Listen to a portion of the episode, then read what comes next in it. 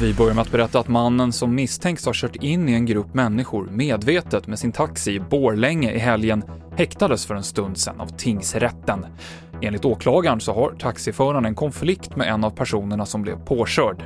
Han är misstänkt för mordförsök och fyra fall av grov misshandel och nekar till brott.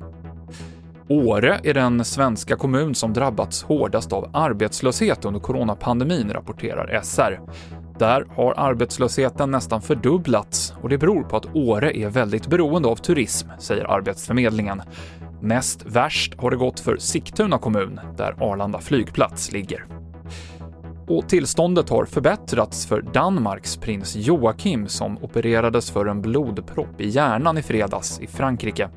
Han vårdas fortfarande på intensiven på sjukhuset i Toulouse, men läkarna tror att han inte kommer att få varaktiga men. Det här skriver kungahuset i ett pressmeddelande enligt Extrabladet. TV4-nyheterna med Mikael Klintevall i studion.